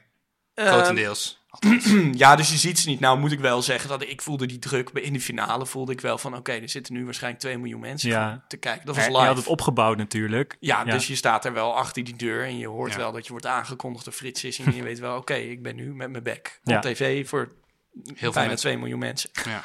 Ehm, maar het is veel enger om iets te doen waar jij beweert dat je expertise ligt. Dus als jij voor 80.000 euro voor een fotografieklus wordt gevraagd, is dat natuurlijk ontzettend eng. Omdat jij dan Ja. op dat moment jouw hoofd gaat met je fuck, omdat je denkt, oeh, ben ik dat wel? Vind je, vind je Nou, mij- niet meer hoor. Maar...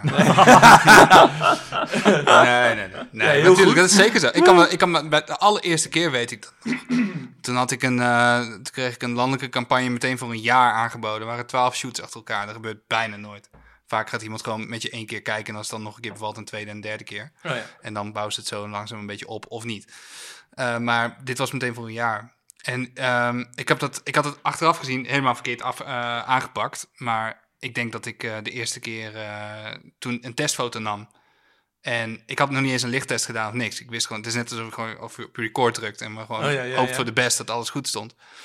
En model gaat staan en stond al meteen tien man klant achter me op een laptopje zo groot. Oh. En ehm, nou, kunnen we beginnen? En ik dacht, ja shit, we moeten wel. Ik kan niet zeggen van, ik, nee, ik heb nog een 20 minuten nodig. Dus ik heb gewoon op enter gedrukt van, plan, we schieten de foto. En dan was gewoon meteen in één keer raak. Oh, wat goed zeg. En toen dacht ik, wow, fuck. Oké, hier kom ik heel goed echt- weg. Ik ben echt fucking Ik goed. ben echt fucking goed. En toen heb je dat Hit nooit... me again. Ja. Ja, dus dit was, dit was, dat, kwam, dat, dat pakte fantastisch uit. Ik vergeet dat nooit meer. En ik dacht echt van, ja, oké. En dat was ook meteen, Daan, de laatste keer, of een van de allerlaatste keren, dat ik echt zenuwachtig was, zenuwachtig was voor een Oh ja? opdracht. Ja. Dus dat is voor jou een omkeerpunt geweest. Nou, toen wist ik van waar ik voor gevraagd word, kan ik ook goed. ja, En dat is hetgene wat je doet. Dus als je dat op een gegeven moment heel goed onder controle hebt en je kan heel goed leveren waar je voor gevraagd wordt, dan word je daar, tenminste ik, niet meer zo. Ja. Ja. En dat zou je bij een theatershow zou je dat denk ik ook hebben. Zo van, nou, ik ben hier toch geboekt. Mensen soort hebben een kaartje gekocht. Ze zitten er. Ik ben er. Ik doe het gewoon net zoals gisteren in Veenendaal. Ja, ja. En dan, gaan, dan komt alles goed. Nee. Nee, nou blijkbaar dus niet. Maar, nee, ja, eh, nee. Nou, ik weet wel nog dat ik... Ik, ik, heb, eh, ik had zoveel verschillende dingen. En mijn show heeft zich echt pas gevormd tijdens de try-outs. Ik had twaalf try-outs. Dat is eigenlijk niet zoveel voor een cabaret show. Ik weet nog dat ik tegen mijn broer zei... Oh, ik kijk zo erg uit naar het punt van show 40... dat ik weet wat ik ga doen ja, die avond. Ja, ja. Omdat mijn show was zo'n chaos... Ja. dat ik daar... Dat ging me wel iets makkelijker af. Dat ik inderdaad bij show 40 zo ongeveer... Dat ik gewoon wist van, oh ja, dit ga ik dan doen en dat komt dan. En, en werkelijk alles is tot op de seconde getimed. Mhm. Tenminste, dat vind ik heel fijn om, om zo te werken. Is dat op het moment dat jij je voet op een monitor wil zetten... en die voet glijdt er vanaf en Ja. mensen vinden dat funny... Mhm. en denken dat dat alleen op die avond gebeurt. Dat gebeurt die volgende avond exact op hetzelfde moment weer. Dat vind ik wel iets heel prettigs. Dat ik wel wist wat er ging gebeuren. Maar ik heb nooit de, de, het comfort gehad dat ik dacht... ik ben hier fucking goed in. En ik zeg wel veel fucking in deze Nee, maar het is eh, prima. podcast. Dat is niet erg. Onze doelgroep is Eh, ik- ouder dan 13. ik, ik, ik ben hier heel erg goed in en ik, eh, ik vertrouw erop dat vanavond een hele leuke avond wordt. Nee, ik had altijd wel. En bij mij was het cliché ook niet waar dat op het moment dat je het podium opstapt, dat alles dan van je afglijdt en dat het dan lekker Ja, is of ja. zo. Ik had dat moment pas na Oh. 10 minuten of na een kwartier. Ja. ja, tuurlijk. En, en Ja. zou je nog een keer zo'n show willen maken? Eh, ja, Maar dan wordt het heel anders. ook. Eh, maar ik ga niet meer. eh, ik, ga, ik ga niet meer om, om elke dag om één uur op de plaats van mijn stemming zijn. dus ik ga niet meer met mijn technicus meereizen. nee. Dat- Omdat ik, ik wil niet meer dat eenzame. Ja, Dat- Je wil gewoon met je zonnebril naar binnen ik lopen. wil met Ja. mijn zonnebril naar binnen lopen Ja, en dan zeggen... waarom hangt die lamp zo Ja, en ja. dat zo? Jezus, Ja, jongens, maar uiteindelijk- kom op, tandje erbij. Tatje erbij. maar de realiteit is waarschijnlijk kwartier. dat Ja. je weer naar de eerste de beste Chinees eh, om de hoek moet eh, om je prakje te halen. En, Ja, eh, ik, heb, ik, heb, ik ben er ook achter gekomen hoe slecht de Nederlandse horeca is over het algemeen. ja. Het is vreselijk. Waar heb je echt het meest gehaald? Dat je dacht, In, dit krijg ik niet eens eh, weg. God, hoe heet dat? De, de, de, de theater heet eh, de Kaasfabriek. in eh Wormer. Oh, In Wormer, daar Ja, heb bij ik een, Purmerend een, een, een, echt een, een, een, een, hamburger gegeten. Die gewoon rauw was of zo. Ah, ik ja. weet het niet. Ik heb er uiteindelijk omheen gegeten. Het broodje was nog wel te ja, doen. en weet je wat het allerergste was? Of nou, het allerergste. Wij kwamen binnen. En het is, ik stond echt in de kleinste theaters, hè. Eh, dus ik stond hier ergens op een zoldertje. Maar beneden in die zolder was dus een horecatent. Dus de Ja. kaasfabriek hoorde niet bij die horecatent. En wij komen binnen en er stonden allemaal, allemaal dingen gedekt en glazen. En, en die mensen keken helemaal verschrikt op toen wij binnenkwamen lopen. En toen zei die vrouw van die horecatent, zei... eh, wat, wat komen jullie doen? Ja, ik, ik, ik kom hier optreden vanavond. Oh, oké. En toen kwam er een technicus naar beneden gelopen.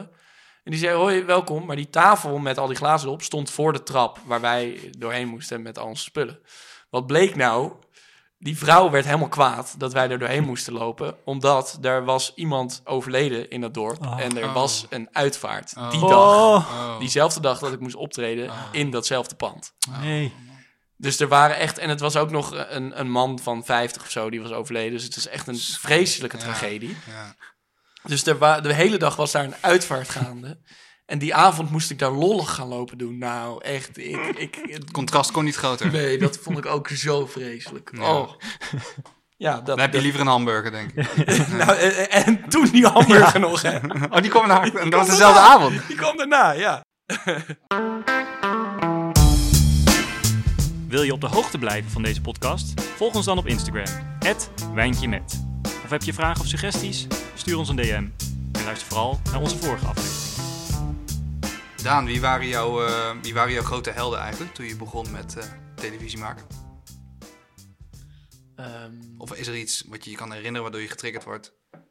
Dat je dacht, wauw, dit herinner ik me nog nou, vroeger weet ik wel dat ik... Ik keek eh, bij mijn ouders thuis naar cabaret. Dus eh, ik vond eh, vroeger Bert Visser heel erg leuk. Hmm. Eh, eh, de- omdat dat gewoon totaal geflipte shows waren, waarin die, eh, weet ik veel, aan, aan een, ik kan me herinneren dat hij aan een tiet over het podium slingerde en gewoon raar aan het doen was. En dat ik dacht, oh ja, dat wil ik ook. Ehm, en ja, later werd dat, werd dat toch meer, ja, het is heel lang cabaret gebleven, maar nu zijn er toch meer, eh, Ricky Gervais heb ik echt heel hoog zitten. Ja, Dat is wel echt eh, een, een soort idool. Die heb ik ooit één keer ontmoet, zelfs. maar hoe was dat? Ja, heel- Never meet your idols? Of? Nee, zeker niet. Dat Nee? was echt... Nou, het was ook... Ik had een reden om hem te ontmoeten. En dat was een of ander concept... Dat volgens mij al niet meer bestaat. Niet meer bestaat. Ik werd er naartoe gestuurd, naar Londen, om hem te chasen en om hem te zoeken. Omdat er was een concept waarmee je artiesten die in principe niet in Nederland zouden spelen, wel naar Nederland kon halen.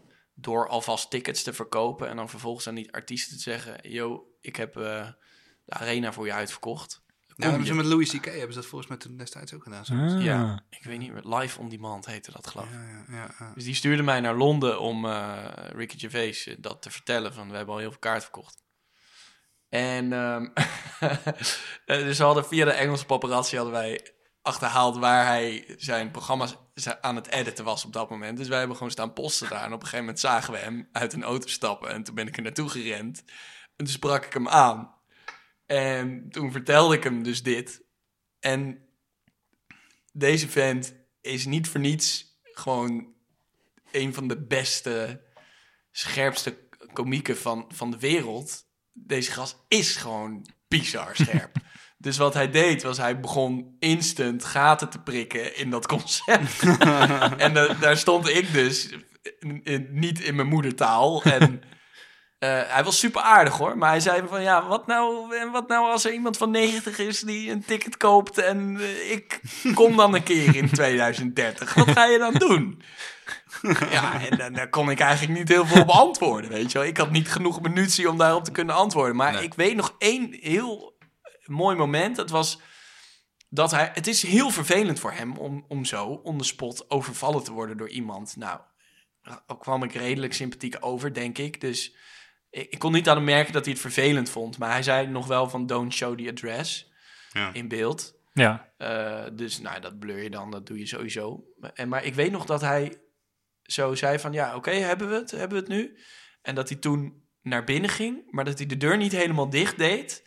En dat hij toen naar mij keek, eh, zeg maar buiten de, de camera om. En dat hij mij zo'n knikje gaf van, heb je wat je wil hebben? Oh! Zo van, is, is het goed? En, en, toen, en toen knikte ik zo van, ja, thanks man. En toen deed hij de deur dicht. Maar dat vond ik zo fucking lief of Ja. zo. Dat ik echt dacht van, dat hoef jij helemaal niet te doen. Je kan Ja. ook gewoon zeggen, gast, donder op. Ik heb hier geen zin in. Ik ga door. Ik ben wereldberoemd en ik heb 80 miljoen op de bank staan. Laat me met rust. Nee, maar ik bedoel, dat is geen reden om iemand nee te zeggen. Maar ik bedoel, hij hoeft dat niet te doen. Hij hoeft Nee. mij daar niet te Nee, woord te staan. nee. Hij kan ook gewoon naar binnen lopen. Oh, geweldig. En, en hij stond er gewoon, hij nam de tijd en ging daarna ook nog even knikken van, heb je wel, is het... Nou, ik zei, nou cool. zei ik ook wel dat we helemaal naar Londen waren gekomen en ik had stroopwafels voor Oh, me ja, ja, ja. Dus dat heeft misschien Dus wat sympathie gewekt. goed. En toen heeft hij nog even ja. een paar dvd's gesigneerd. eh, en toen... Nee, dat niet. Nee. Maar ik heb wel zo'n screenshot eruit geknipt natuurlijk, dat ik met Ricky Gervais sta te lachen. Ja, natuurlijk. ja. ja, dat is wel vrij bizar. Ja, je- Verder, idolen eh, er zijn in Nederland wel mensen die ik heel erg goed vind, zoals Henry van Loon. Ja. Die vind ik echt briljant. Maar Henry van Loon als in de comedian Of de show. of eh, als acteur of, of alles? Ja, eigenlijk alles, gewoon allround. Ja. Ja, dat vind ik echt een uniek talent. Ik vond random shit misschien wel een van de meest verademende dingen die ik in jaren had gezien toen. Waarom? Nou, gewoon zoiets extreems had ik in jaren niet meer meegemaakt. Er wordt, er, wordt, er wordt in Nederland altijd heel veel afgegeven op het feit dat niks meer kan. Ja, En dat de tijd van, eh van Jiske Vet en zo echt voorbij is. En totdat ik dit zag, waar ik dacht van wauw, het lijkt alsof deze kerel, misschien weet jij hoe dat zit, echt een carte blanche heeft gekregen van... oké, gaan we lekker maken wat je wil. En alle, alle New Kids Turbo, Ja, weet ja, je. Zo van hier heb je geld, zoek het uit.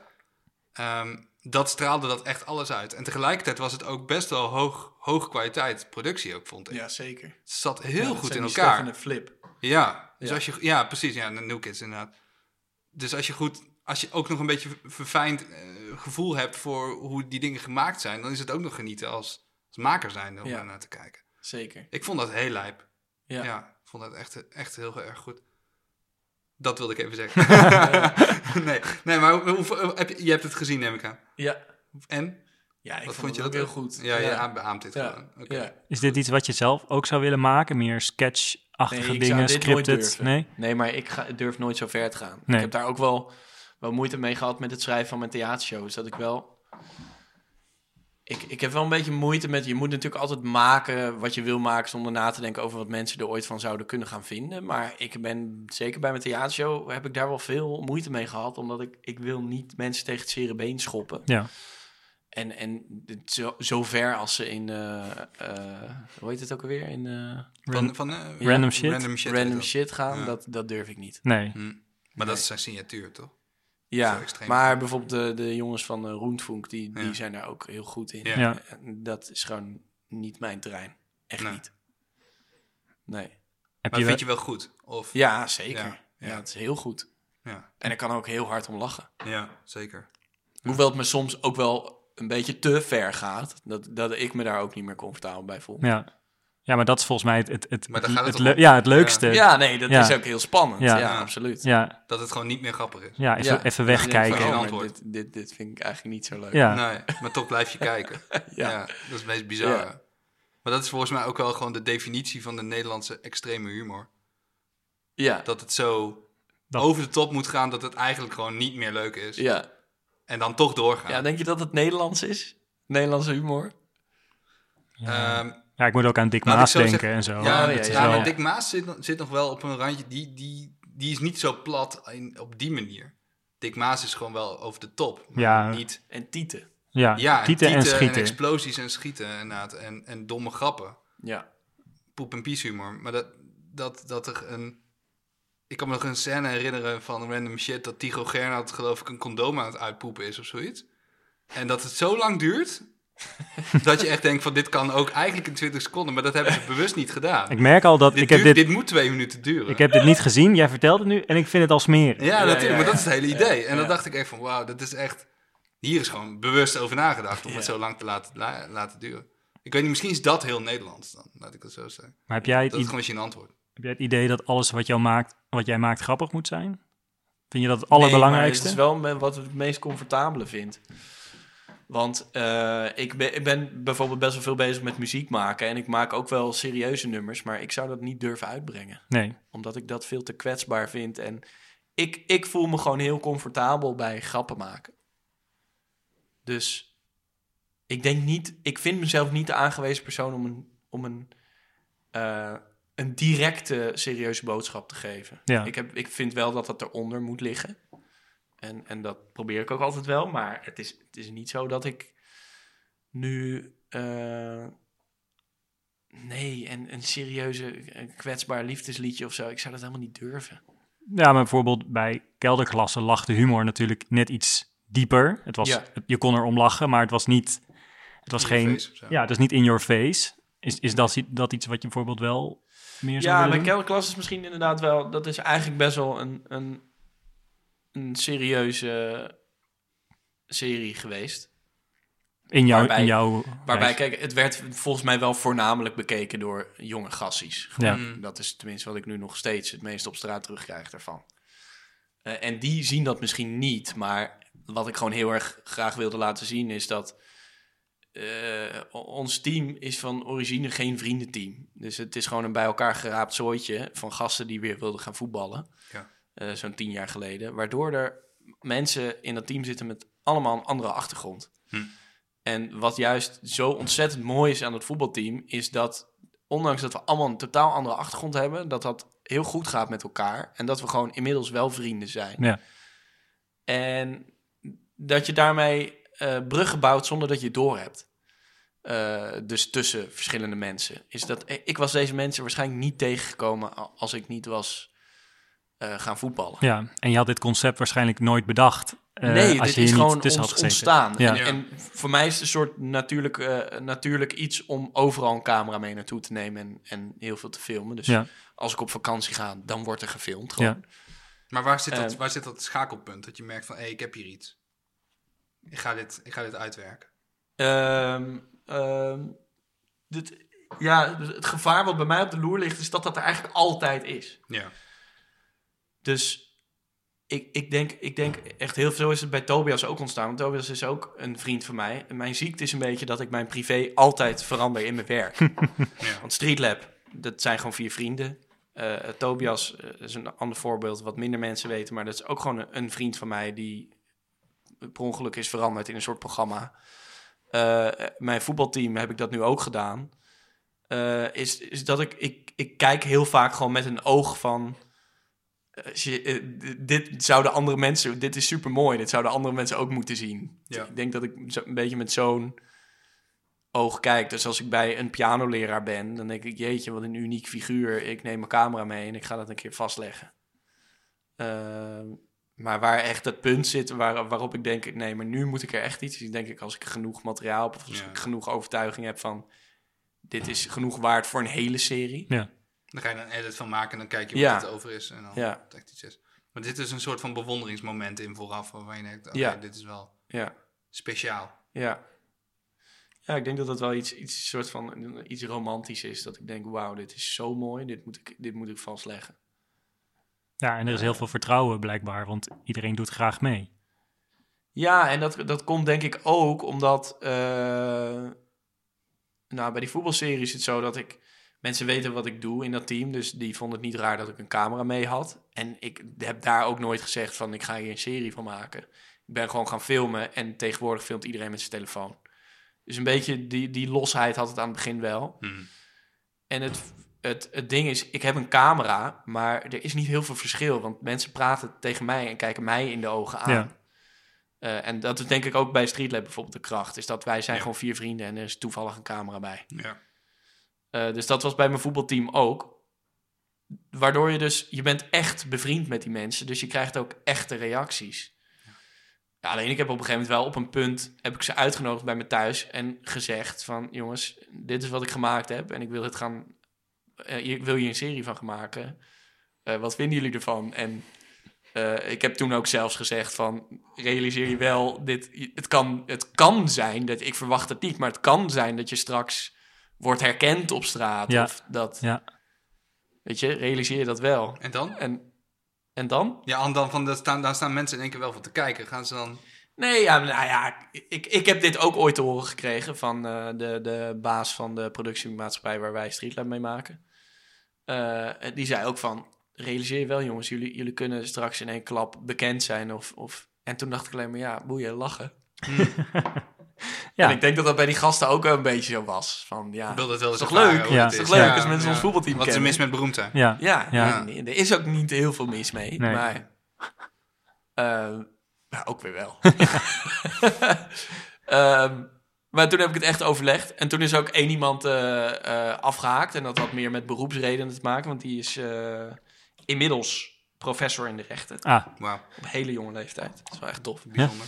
Maar eh, ja, daarbij kan ik wel begrijpen dat als je in zo'n voetbalteam zit, waarbij je eh, eh, op zondag eh, loopt te zuipen en de tegenstander uitscheldt en dan de maandag erop weer in de, in, in de universiteit aan het werk bent, weet je wel. Ja, ja. Dat is toch ook niet heel erg lekker. Nee. Aan de andere kant vind ik juist dat dat super vet zou zijn. Maar ik snap wel dat, dat als je wordt eh, beoordeeld op je publieke activiteiten en, en kelderklasse staat daartussen, dat dat niet heel erg voor je Nee, spreekt. nee, nee. ik, la- ik las vandaag, ik heb het even vluchtig gelezen. Misschien hebben jullie het gelezen over die psychologe die uit de ambt is gezet. Oh ja. Seksuologe. Ja, omdat Die ze pikante foto's op Instagram had Ja, en ze heeft geloof ik ook een keertje een vrouwelijke pornofilm gemaakt. En Ja. ze had al meer van dat soort segways eh, gemaakt. Maar nu uit haar... Ja, ik heb het stuk dus nog niet helemaal gelezen. Je had maar- alleen de foto's eh, gekeken. Ja, bij de eerste foto wist ik alweer van... mijn vriendin keek mee. Ik denk, oh, eh, wacht, nee, lieve. Ah, corona. Heel Oh, dus, corona. Je, dus je hebt wel opge- je hebt gezocht in die foto's. Nee, nee, nee, nee. Echt wel. Echt niet. I swear to God. Maar ik ga vanavond inderdaad als ze slaapt nog even. Ja. Even Schatje, als je luistert, ik hou van je. Ja, Eh, nee, maar het is. eh, nee, maar even, even, even, even, even terug. Even terug. Wat, wat, vind, je, vind je dat dat belangrijk is? Dat die dingen niet te veel met elkaar te maken mogen hebben? Ik bedoel, Hoe bedoel je? nou ja, Ja, je- hij speelt in. eh, hij, hij loopt al scheldend over het middenveld. En tegelijkertijd professor in de rechten. Die dingen stroken natuurlijk niet met elkaar. Maar de vraag is of dat erg is. Net zoals met die seksuologen bedoel ik eigenlijk. Van, van ja, die vrouw die. Eh, vindt- nee, dat is helemaal niet erg. nee, daarom. Nee, alleen Is dat niet een beetje. Nee, het, het moet helemaal niet erg zijn, maar ik snap wel dat als jij. eh, kijk, het is ook gewoon een hele nette jongen hoor. Dus, eh, en daarom heeft hij dit ook niet gedaan. Maar ik snap wel dat als jij in zo'n serie zit.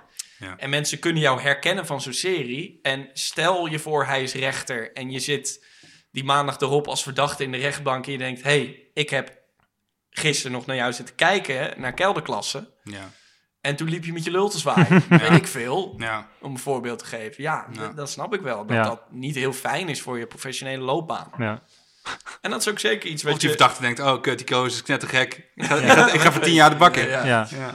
ja. nee, dus Nee. ik vind dat, ik vind dat wel iets, eh, ik vind dat wel iets, eh, een goede beslissing van hem. ja. Ja. Nee, voor hem zeker. Ik vind alleen, als ik het dan terugtrek op die psycholoog en denk van, Ja, nee. dat is zo flauw. Dat, ja, Ja. Dat is een, maar dat is wel echt een ander verhaal. Ja, dat is Denk zeker een ander verhaal. Absoluut. En, en heb jij soort van ook nog droomprojecten of dingen die je nog heel graag een keer zou willen doen? Of Eh. willen toevoegen aan die enorme lijst die wij net hebben voorgelezen? Eh, ja, er blijven altijd dingen die ik heel graag wil doen. Eh, en dan moet ik nu natuurlijk iets zeggen. graag. Nou, nummer één bucketlist. Nou, ik wil heel graag een film maken, ooit nog eens. En dan wil je hem Een helemaal programma zelf... over wijn, trouwens. Ah, Oh, kijk. ja. Eh, want we hebben die wijntrip, het zal je niet verrassen, maar we hebben hem gefilmd. Dus eh, de- verrast de- me niet. Nee, Ja. de, de, de, daar, gaat, de, daar zijn we nu eh, mee bezig om dat te monteren. Dus, Leuk. Zin in? o- omdat eh, Jasper en ik weten echt niks over wijn. En Jan, nou is Jasper helemaal een barbaar. En ik een beetje. dus ik denk dat dat wel een geinige combi is. Ehm, en eh, ja, ik wil ooit nog een keer een theatershow maken. Een album wil ik ooit maken, een muziekalbum. Eh, Zou ik verder gaan? Nee, ja, ik vind het, ik vind het heel leuk om Tot te een horen. haakje hebben. Tot- Nee. Ja, nee, tot nu toe klinkt het allemaal als redelijk soort van logische stappen Ja. in het uh, Daanboom-imperium. Ja. ja, weet ik niet. Ik, weet, ik, ik ben er nooit op zoek naar iets wat logisch is. Ja, Ik denk wel, dat, ik, ben, ik ben gewoon, ik, ik denk gewoon altijd, ik, ik ga het gewoon doen en ik kijk gewoon wat er gebeurt. ja, Dat geef ik ook, als mensen mij om tips vragen, dan geef ik ook eigenlijk dat altijd als tip. Van, Maak dingen af. En, ja, ga het gewoon doen en je hoeft het niet gelijk op YouTube te zetten of zo. Maar als jij heel graag wil filmen of iets wil maken of iets wil schrijven, of, ga het gewoon doen en laat het aan één iemand lezen of lees het alleen zelf. Of, maar ga het in ieder geval gewoon doen. ja. maar vind je, het, vind je het moeilijk om soms halfbakken dingen eh, nog voor jezelf te houden? Eh, ja. Ja, dus ik laat mensen wel gewoon troep horen. Ja. of zien. Ja. Nou, wat ik me- bij mezelf wel eens herken is dat je dan in midden in een project zit en dat je denkt, dit is zo fucking vet. En dat je nog inderdaad precies, je laat de troep nog zien. Ja. Maar dat jij al met je hoofd al helemaal bij die eindstreep staat. Van, maar zo vet gaat het worden, maar dat je dat Ja. natuurlijk niet visueel krijgt. Ehm, ja, want het is ook een beetje je publiek, toch? ja, dat is en je het publiek, is ook een precies. beetje een, een graadmeter. ja goede test. Ja, inderdaad. Want als je daar al een beetje geschoffeld wordt, dan Ja. merk je ook alweer een beetje van, oké, is het iets wat ik door moet zetten, ja of nee? Nee, ik doe dat heel graag. Ben je beïnvloedbaar? Ja, heel erg. Ja? Wie Ja, zijn- door, maar, er- door, me, echt door mijn naaste vrienden. Ja, Dus als mijn naaste vrienden zeggen van, nou, dat vind ik niet zo nice, dan... eh, dan doe je het ook echt niet? Nee, dan, dan kan ik daar wel... Nou, tenzij ik er echt zelf zo heilig van overtuigd ben dat Ja. ik denk, oh ja, dit is wel echt... eh, Nee joh, dit is echt, dit is het Eh, helemaal. Maar ik laat mensen heel graag halfbakken dingen zien. Ja. Ja. Maar dan zijn er wel mensen die natuurlijk wel begrijpen hoe ze naar dat halfbakken ding moeten kijken dan. Niet altijd. Oké, Nee. Wel interessant. Bij jou wel? Nee, helemaal niet. Ik stuur het en nee, helemaal niet. Het is maar, er is maar een heel klein select eh, clubje mensen om me heen die dingen te zien krijgen voor Oh, ja? dingen afstaan. Ja, zeker. Ja. Maar ik, ik, ik maak ook geen. eh, kijk, jij maakt heel veel dingen in viervoud met, met ik bedoel als in met vier mensen. Ehm, en in teamverband. En ik doe teamverband alleen met, eh, met opdrachten. Ja. Maar verder heb ik in de fotografie zijn, heb ik niet veel vrienden in die zin of zo. Dat Nee. ik echt eh, een andere fotograaf ga bellen en zeg, joh, vind je hiervan? Nee, oké, werkt en dan is anders. het misschien ook gevaarlijk of zo. Dat je dan Ja, denkt dat, van, zou oh je, ja, dat hangt ook een beetje in wat voor kring diegene zich begeeft. Ehm, maar het is, ja, je bent allemaal maker. Ja, En je gaat dan altijd toch op een of andere manier je eigen bril er doorheen ja, projecteren. En dat weet je dan als ontvanger ook wel weer. En van ja, hij bekijkt het alleen maar zo omdat hij dat vet vindt. ja. En dat is helemaal Ja, niet maar wat dat bedoel ik heel erg met, met compromis sluiten. Ja. Dus als jij iemand hebt die voor jou de... Stel je voor, je hebt iemand die voor jou de kleurbewerking doet. Ja, Dan heeft diegene iets anders in zijn hoofd ja, dan dat jij in je hoofd hebt. zeker. En dan ja. kom Maar dat je ik... uiteindelijk nooit uit op wat jij precies in je hoofd hebt. Dus dan moet je op een gegeven moment op een punt zeggen van... Ja, ik vind het het, Ja. het vetst. Ja, ja, ja nou, ik doe dat dan op twee, want ik heb zo iemand. Ik, ik, doe, ik doe dat meestal op twee manieren. Dan ga ik er gewoon naast zitten in het begin. Ja, Tot je op een gegeven moment zoveel dingen samen hebt gemaakt. ja. Dat, die persoon op een gegeven moment weet van dit is wat hij wil. Ja, Want daarom verbaast me dat ook over van dat je zei van ja, inmiddels eh, besteden we alles uit bij Streetlab. Vind ik wel dat heel erg die Streetlab saus behouden is. Ja. Dat kan alleen maar. ja we ze gewoon precies willen weten van, ik weet alleen de, de edit uit, hè? Oké, oké. Dus er is iemand en die, diegene heeft het programma zo vaak gezien. Ja, precies. Dus die weet precies dat wat die- hij ervan moet ja, maken. Ja. Ja, Dus eigenlijk een beetje het, het, vijfde lid. ja. Dan al even van uitgaande Ja. als het dan één Dus je moet is. wel met, met, als je met externe personen werkt, dan moet je met diegene kunnen lezen en schrijven. Ja, echt wel. Ja. ja, anders wordt het echt niks. En dat duurt jaren Ja. voordat je uiteindelijk daar, eh, daar komt, denk ik. Ja. Ik, eh, ik denk dat we naar onze afsluitende vraag, onze altijd terugkerende afsluitende vraag kunnen. Eh, namelijk, wie moeten we de volgende keer uitnodigen, eh, of een volgende keer uitnodigen in de podcast? Daan. Ja, ik, ik, ik kwam hier dus eigenlijk niet zo goed uit. Omdat ik, eh, ik heb een heel beperkt sociaal leven in Utrecht. Ehm, nou ja, ja, ik zou het wel heel tof vinden als Tim van der Hoed een keer te gast is. Dat Ja. is mijn beste vriend. Die heeft een boekenbar, de Utrechtse boekenbar. Ik weet alleen niet of die... eh, volgens mij is hij niet heel erg fan van interviews. Oké, dus ik weet niet of hij het wil. nou ja. Eh, maar dat zou ik wel... eh, ja, ik ben heel trots op wat hij heeft neergezet. Dat vind ik echt heel knap. Ja. Heel Kan je heel kort vertellen wat het, wat het is? Wat Eh, het is een, eh, een, een boekenbar, dus je kunt er koffie drinken, maar je kunt er ook eh, boeken eh, kopen. En ehm, iedereen verklaarde hem eigenlijk voor gek toen hij dit wilde beginnen. Ja. Ehm, dus hij heeft veel informatie ingewonnen, mensen uit het vak. Nou, hij kan dat zelf het beste vertellen. Maar hij is uiteindelijk gewoon begonnen en dat is eh, toch wel echt een succes. Ja. En het is mijn stamkroeg, ja, dat is een, zonder dat het een stamkroeg is. ik wou zeggen, ik Je het een leuke stamgroep. krijgt. Of, eh, onder de toonbank. ja, precies. Ben je meer gaan lezen sinds Ja, de boekenbar? Ja, zeker. Ja. Ik ben eigenlijk niet zo'n lezer. Maar daardoor, eh, daardoor wel, ja. Ja. En heeft hij je veel, veel aanbevolen? Ja, ook. Dus Ja. heeft hij een soort Ja. gemaakt van dan vind je dit waarschijnlijk ook wel vet. Ja, zeker.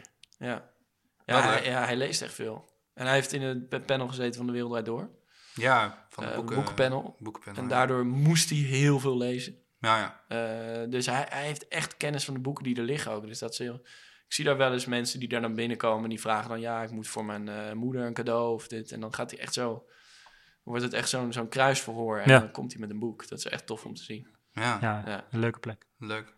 Right. ja, Daan, Dan, dank je wel. Ja, graag gedaan jongens. Leuk dat je hier was. En eh, Ik hoop dat mensen nog luisteren. Zeker ja, of wel. niet, zoek het lekker uit. hè. Ja, ik, ja. Ik, eh, ik, hoop, ik hoop dat mensen er iets aan gehad hebben. Met uitpoepen van die condoom maakte iedereen uit. En dit, eh, toen was het uit. Wat is dit voor platte? Ja. Oké, oké. Nou, Oké, eh, genoeg. dit, dit was het. Daan. Daan bedankt. tot de volgende. Yes. Ja, we gaan elkaar eh, zien. Doei. Cheers. Nog even snel. eh, tot later. Joep.